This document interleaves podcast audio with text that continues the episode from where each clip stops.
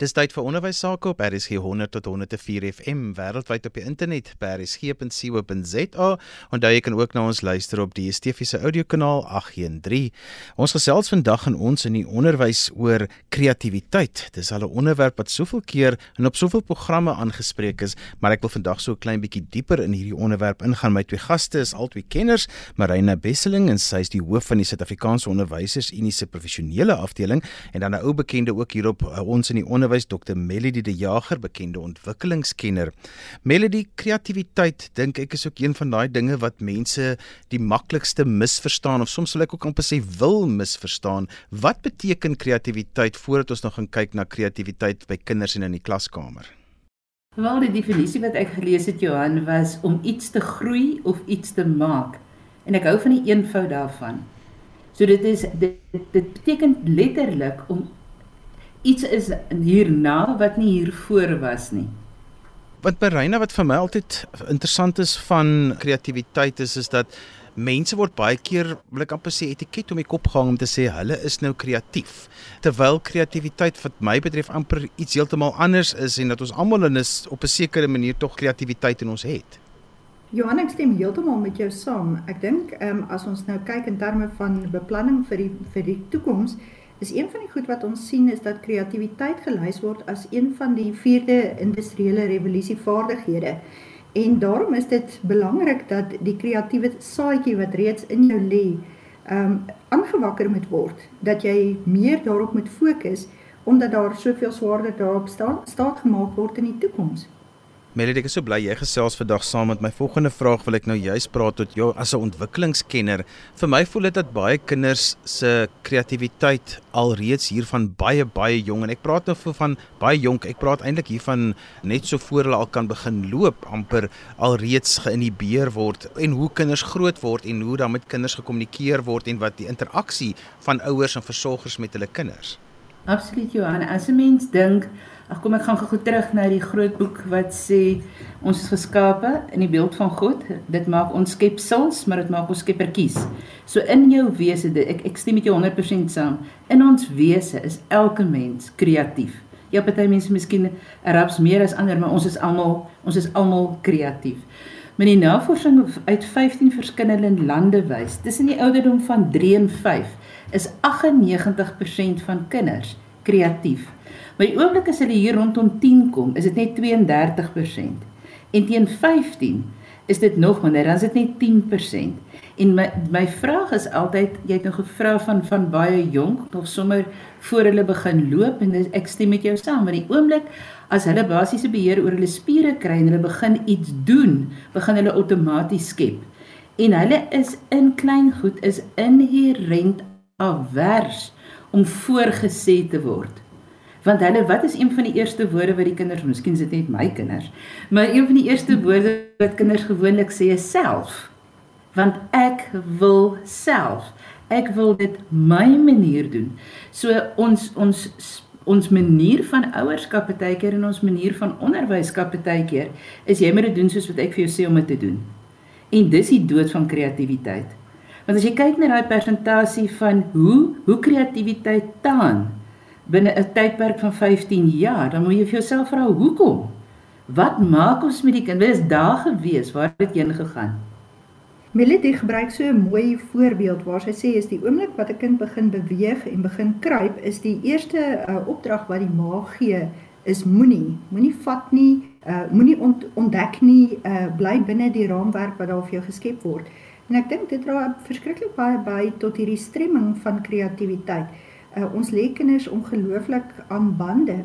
En ek weet ons praat vandag met um, onderwysers en met ouers en ek dink um, is een van die voorvereistes daarvoor om kreatiwiteit in kinders aan te wakker is dat jy ook 'n kreatiewe onderwyser moet wees, dat jy ook buite jou raamwerk kan dink en iets anderster in vooruitsig kan stel. Ek stem met jou 100% saam, Marina, want ehm um, daar is 'n uitdrukking wat sê hy's nou ongelukkig in Engels, maar um perfectionism is the ultimate form of self-abuse. So die oomblik as 'n mens na perfeksionisme se kant toe beweeg, dan maak jy vir kreatiwiteit dood. Want as jy iets perfek wil doen, is dit asof jy 'n vooraf idee het van hoe alles moet wees. En nou spandeer jy al jou krag, energie en tyd om goed te kry soos wat jy wil hê dit moet wees. En niemand anders ter kom daarby uit nie. Jy weet so, daar is 'n konstante negatiewe terugvoer van moenie probeer om anders te wees nie, maak soos ek sê. Die inkleurboek benadering Um, in plaas daarvan dat jy uh, jou kind toelaat om skepend te wees, iets anders te doen, heeltemal uh, op 'n ander manier te dink en om te gaan, is um benader ons dit soos 'n inkleurboek. Daar's 'n sekere formaat en jy moet net by hierdie formaat hou. En ek dink dit strem die ontwikkeling van kreatiwiteit veral in jonger kinders ongelooflik baie. Ehm um, die ander ding Johan wat, wat ek dink wat vir my nogal belangrik is as 'n mens kyk na kinders hier van 15 jaar af en ouer, ehm um, is die kinders is so gretig om met tegnologie om te gaan en om skepend met tegnologie om te gaan. Maar dan wil mense dit die hele tyd inperk en en terugtrek. So ek dink dit is ook nogal um, iets waarna mense moet kyk is wat is die uh, instrumente wat vir jou kind beskikbaar is om kreatief te kan wees en om nie beperkend om te gaan met jou met jou kind se se denke nie. Kyk, die enige kunstenaar sal vir jou sê die grootste ek is terug by jou inkleerboek. Die ehm um, die grootste die ding wat 'n kunstenaar die meeste intimideer is 'n is 'n ehm um, is 'n skoon doek is of 'n wit papier. As daar eers een merkie op is, is daai is daai amper 'n angs hm. gebreek. Iets is iets is besig om te gebeur. En met die met die tieners ook, jy weet, baie keer word kreatiwiteit, beweging, innovering beperk weens veiligheid. So die veiligheidsding is 'n geldige norm. Maar wat ook partykeer gebeur is 'n 'n mens wil meer beheer hê. Mm en beheer so jy wil vir, vir jou kind sê hoe om te lyk, wat om te doen, wanneer om dit te doen en so aan. In in ons huis het ons 'n reël gehad dat hulle hulle self kreatief mag uitleef in hoe hulle lyk, in hulle haarstyl en hulle klere. Want dit het, dit het nie oor karakter gegaan vir my nie. So jy weet daar moet 'n mate van vryheid wees van selfuitdrukking. Hmm. Want hoe anders gaan jy kreatiwiteit aanwakker en dit kom saam met kreatiewe probleemoplossing wat die onderbou is van wiskunde en wetenskap. Ja. Ek het so 'n wyle terug was ek op die lughawe gewees en daar was 'n Amerikaanse ma en pa wat vir 'n wat seker vir 2 of 3 weke in Suid-Afrika was. En wat vreeslik oulik was is dat die die ma vir die kinders gesê het is ons is besig met 'n toer deur die land en elke aand maak die kinders 'n video-opname. Ehm wow. um, dis 'n video-joernaal wat hulle hou. En dit was vir my 'n ongelooflike kreatiewe benadering geweest waarin hulle inligting uh, aan mekaar gesit het en inligting uitmekaar gehaal het en dit op 'n konstruktiewe en 'n ander manier hanteer het. So in 'n op 'n mate is dit presies wat jy nou sê is ehm um, dat 'n mens nie die hele tyd almal aan bande moet lê nie, maar jy moet hierdie kreatiwiteit uh eintlik aanwakker, aanmoedig en erken. Ons ehm um, lag altyd oor die ehm um, yskas magneet benadering is waar die mammas en die pappas alles wat van kleuterskool af kom op die yskas sit. Maar dit is so positief vir jou kind om te weet dit wat ek gemaak het beteken vir my ma en pa regtig iets en wil hulle wil dit vir die wêreld wys. Ek wil julle 'n bietjie invra na die rol wat sintuie speel by kreatiwiteit en ook sintuiglike stelsels. So vertel bietjie vir my daaroor meer want ek weet ons voorskoolse onderwysers, hulle is al redelik ingestel daarop en is baie bewus daarvan, gaan bewustelik om daarmee, maar sodra kinders skool toe gaan, dan begin dit redelik uh, aan die weet onder die radar beweeg en dit is nog steeds belangrik vir alle kinders. Absoluut Johan. Um, 'n mens moet altyd onthou, die eerste van die sintuie wat ontwikkel is die die organiese vel en dis vermoë om te kan voel en vat. En dit ontwikkel van die oomblik van konsepsie af of die net direk daarna. En dit bly altyd primêr die manier wat die brein die maklikste leer is deur te voel en te vat. Nou as ons dit onthou en die um, beweging is die volgende sintuig. Hoe hoe kan beweging 'n sintuig wees? Wel, dis nie die die oorgaan tot beweging nie, maar dis die antisipering van beweging. Met ander woorde, hoe hard moet ek die bal gooi? Hoe hoog moet ek spring om die bal te kan vang? Dis ook 'n sintuig. Ehm um, en maar dit gaan met beweging gepaard op die ou einde en dan reken smaak. Dis al vier. So met ander woorde, voel, ehm um, antisipering van beweging, ruik en en proe. Daardie is ons heel basiese sintuie.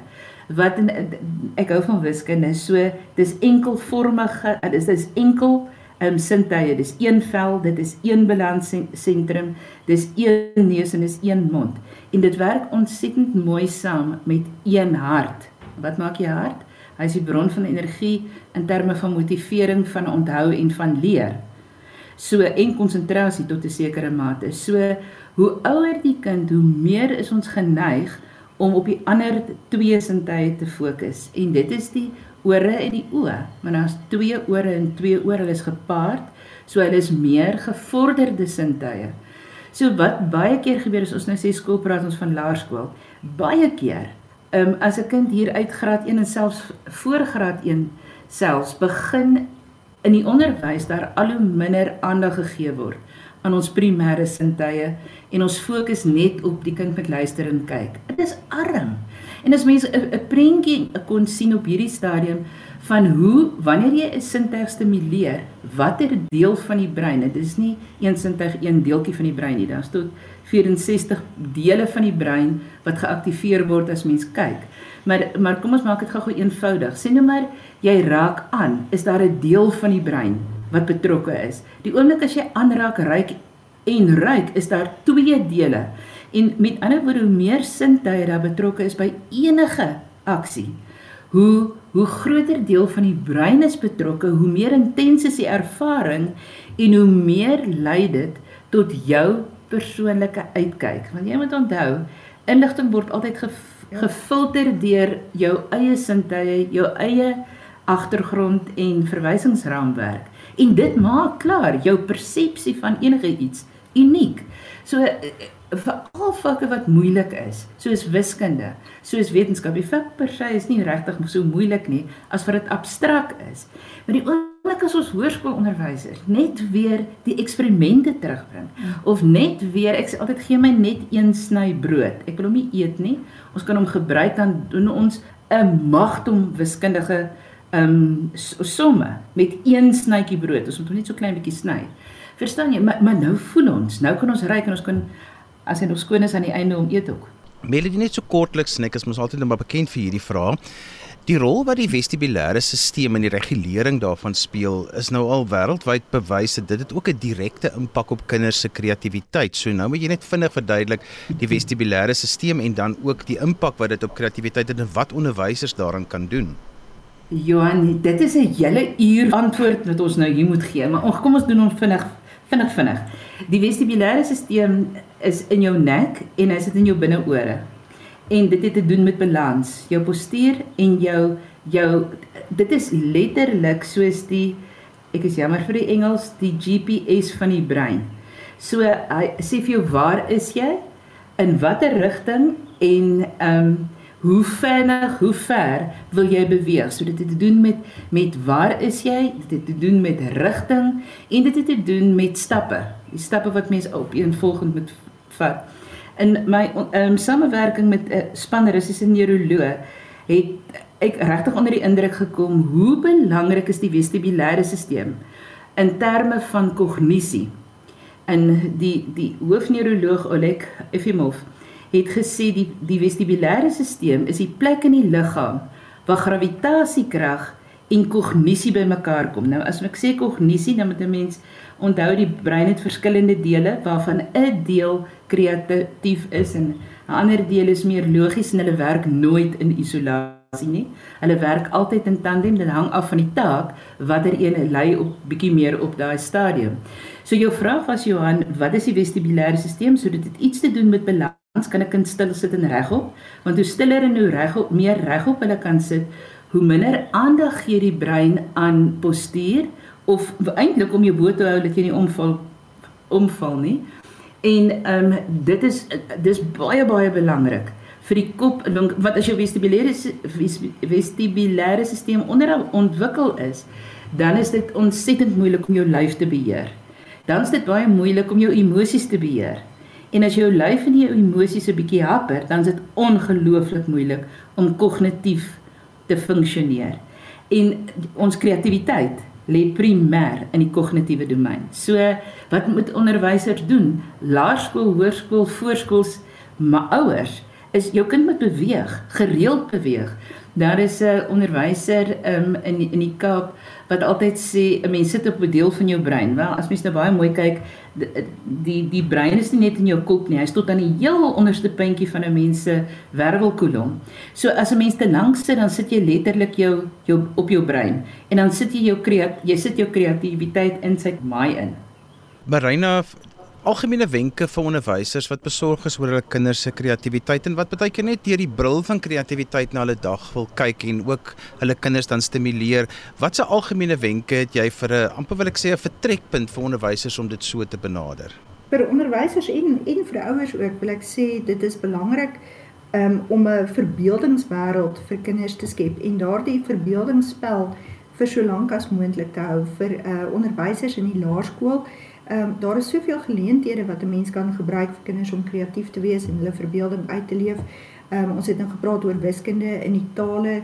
Ehm um, doen hulle ongelooflike oulike opvoerings en uh, daar's vir 'n kind niks lekkerder as om 'n opvoering te hou en klere aan te trek en iets anders te doen nie. Maar ons is baie keer gedruk deur tyd en dan uh, wil 'n mens die die lekker uit onderwys uithaal en dit maak maak dit nogal moeilik. Ehm um, vir ouer onderwysers groter vir onderwysers van groter leerders. Ehm um, Melody het klaar gepraat van van wiskunde en wetenskap en ek dink wetenskap ook die sosiale wetenskappe is dit so belangrik dat die leerders regtig 'n bietjie ervaar en sien en en voel en vat sensories met die wêreld omgaan.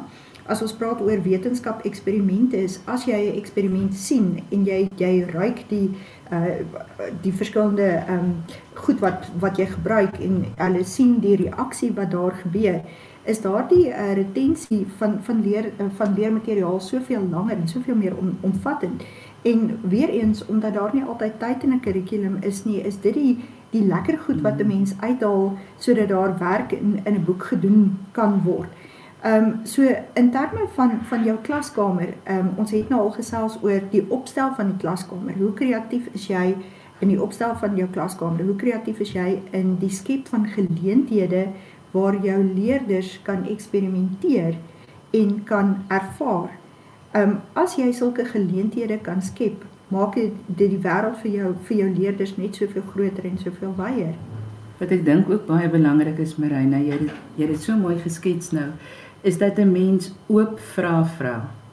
Jy weet as die oomblik as jy sê doen dit presies so, is daar nie baie ruimte vir kreatiwiteit nie. As jy in vraagvorm kommunikeer en as jy jou vraag oop hou sodat die kind die geleentheid het om te kan inkleer. Hy moet kan herinterpreteer en daardie veral daardie daardie bietjie rebelse leerders wat hulle tipies doen, hulle soek vir daai gapings in 'n opdrag vir her vir die moontlikheid dat hulle dit 'n bietjie die op 'n heeltemal 'n ander manier kan benader. Dis belangrik want maar, maar voor jy dit kan doen as 'n onderwyser en as 'n ouer, moet jy jou storie ken.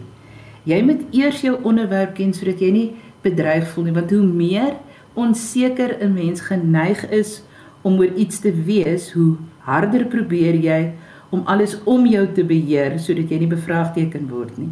Ag man, maar daar gaan die kreatiwiteit. So nee, daai openheid van kom ons ontdek, hoe dink jy kan 'n mens hierdie doen? Hoe kan ons dit nog doen? En wat ek op watter ander manier ook nog 'n keer. Verstaan jy daai hele aanmoedig van kom ons doen dit anders. In terme van toetsing en assessering dink ek is dit ook baie belangrik dat 'n mens daardie uh, area, daardie ruimte daarvoor skep.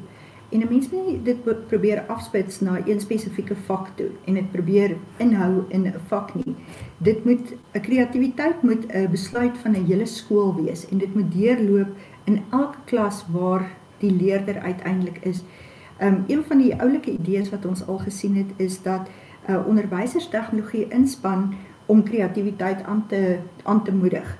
Um ons het net nou gepraat van uh, neem jou eie liedjies op, maak jou eie video en dit maak dit vir onderwysers ook makliker om om die assessering na die tyd um, te doen.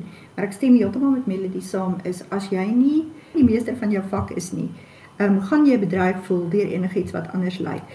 Op hierdie stadium is daar 'n hele klompie entiteite wat werk in die land en een van die oulike benaderings waar waaroor ek baie sterk voel is oor maak jou eie boek. En dit kan kan 'n mens doen eintlik van graad 1 af tot en met graad 12 toe. In plaas daarvan dat jy altyd uh, boeke voorskryf wat deur iemand anders ter geskryf word om gelees of uh, bestudeer te word, is kry jou leerders betrokke dat hulle hulle eie storie vertel, dat hulle self uh, omgaan, dat hulle uh, hulle eie prentjies teken en moenie altyd vaskyk teen die voorskrifte wat uh, die departement vir jou gee of jou eie konsep van 'n um, uh, inperkende tydsraamwerk nie.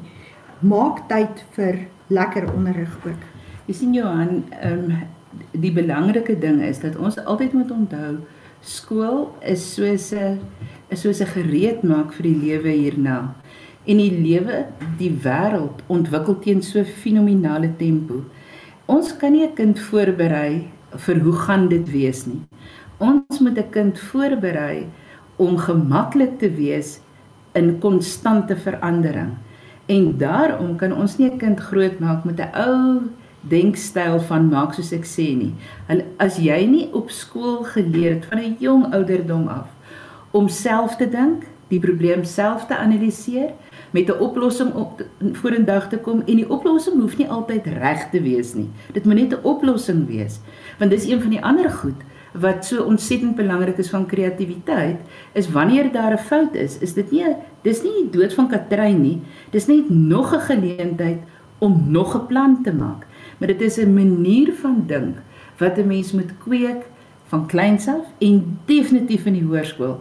Anders terval ons in ons opdrag om kinders voor te berei vir die toekoms. Ja, skep geleenthede. Hoe meer geleenthede jy as ouer by die huis en as onderwyser in die skool skep, hoeveel hoe beter. En ek dink wat ons baie keer in skole sien is dat 'n uh, um, onderwysers voel hulle moet 'n finale produk vir hulle leerders gee en die leerders moet met die finale produk omgaan. Maar partykeer het kinders nodig om 'n stuk tou en 'n stok en 'n klip te hê en jy moet sê goed, gaan dink oor hoe hoe gebruik mense dit anders. Ehm um, goed wat ons elke dag gebruik. Want die kinders wat ons nou het is die innoveerders wat ons oor 20 jaar van nou af gaan sien.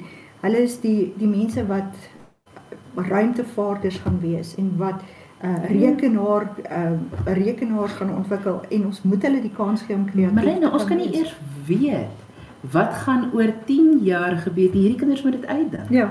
Daar's 'n neurowetenskaplike Huberman wat sê een van die grootste probleme van ons tydsvak is dat ehm um, mense is ongemaklik met ongemak. Hmm. Hulle hou van siek is ehm um, sekerheid en sekuriteit.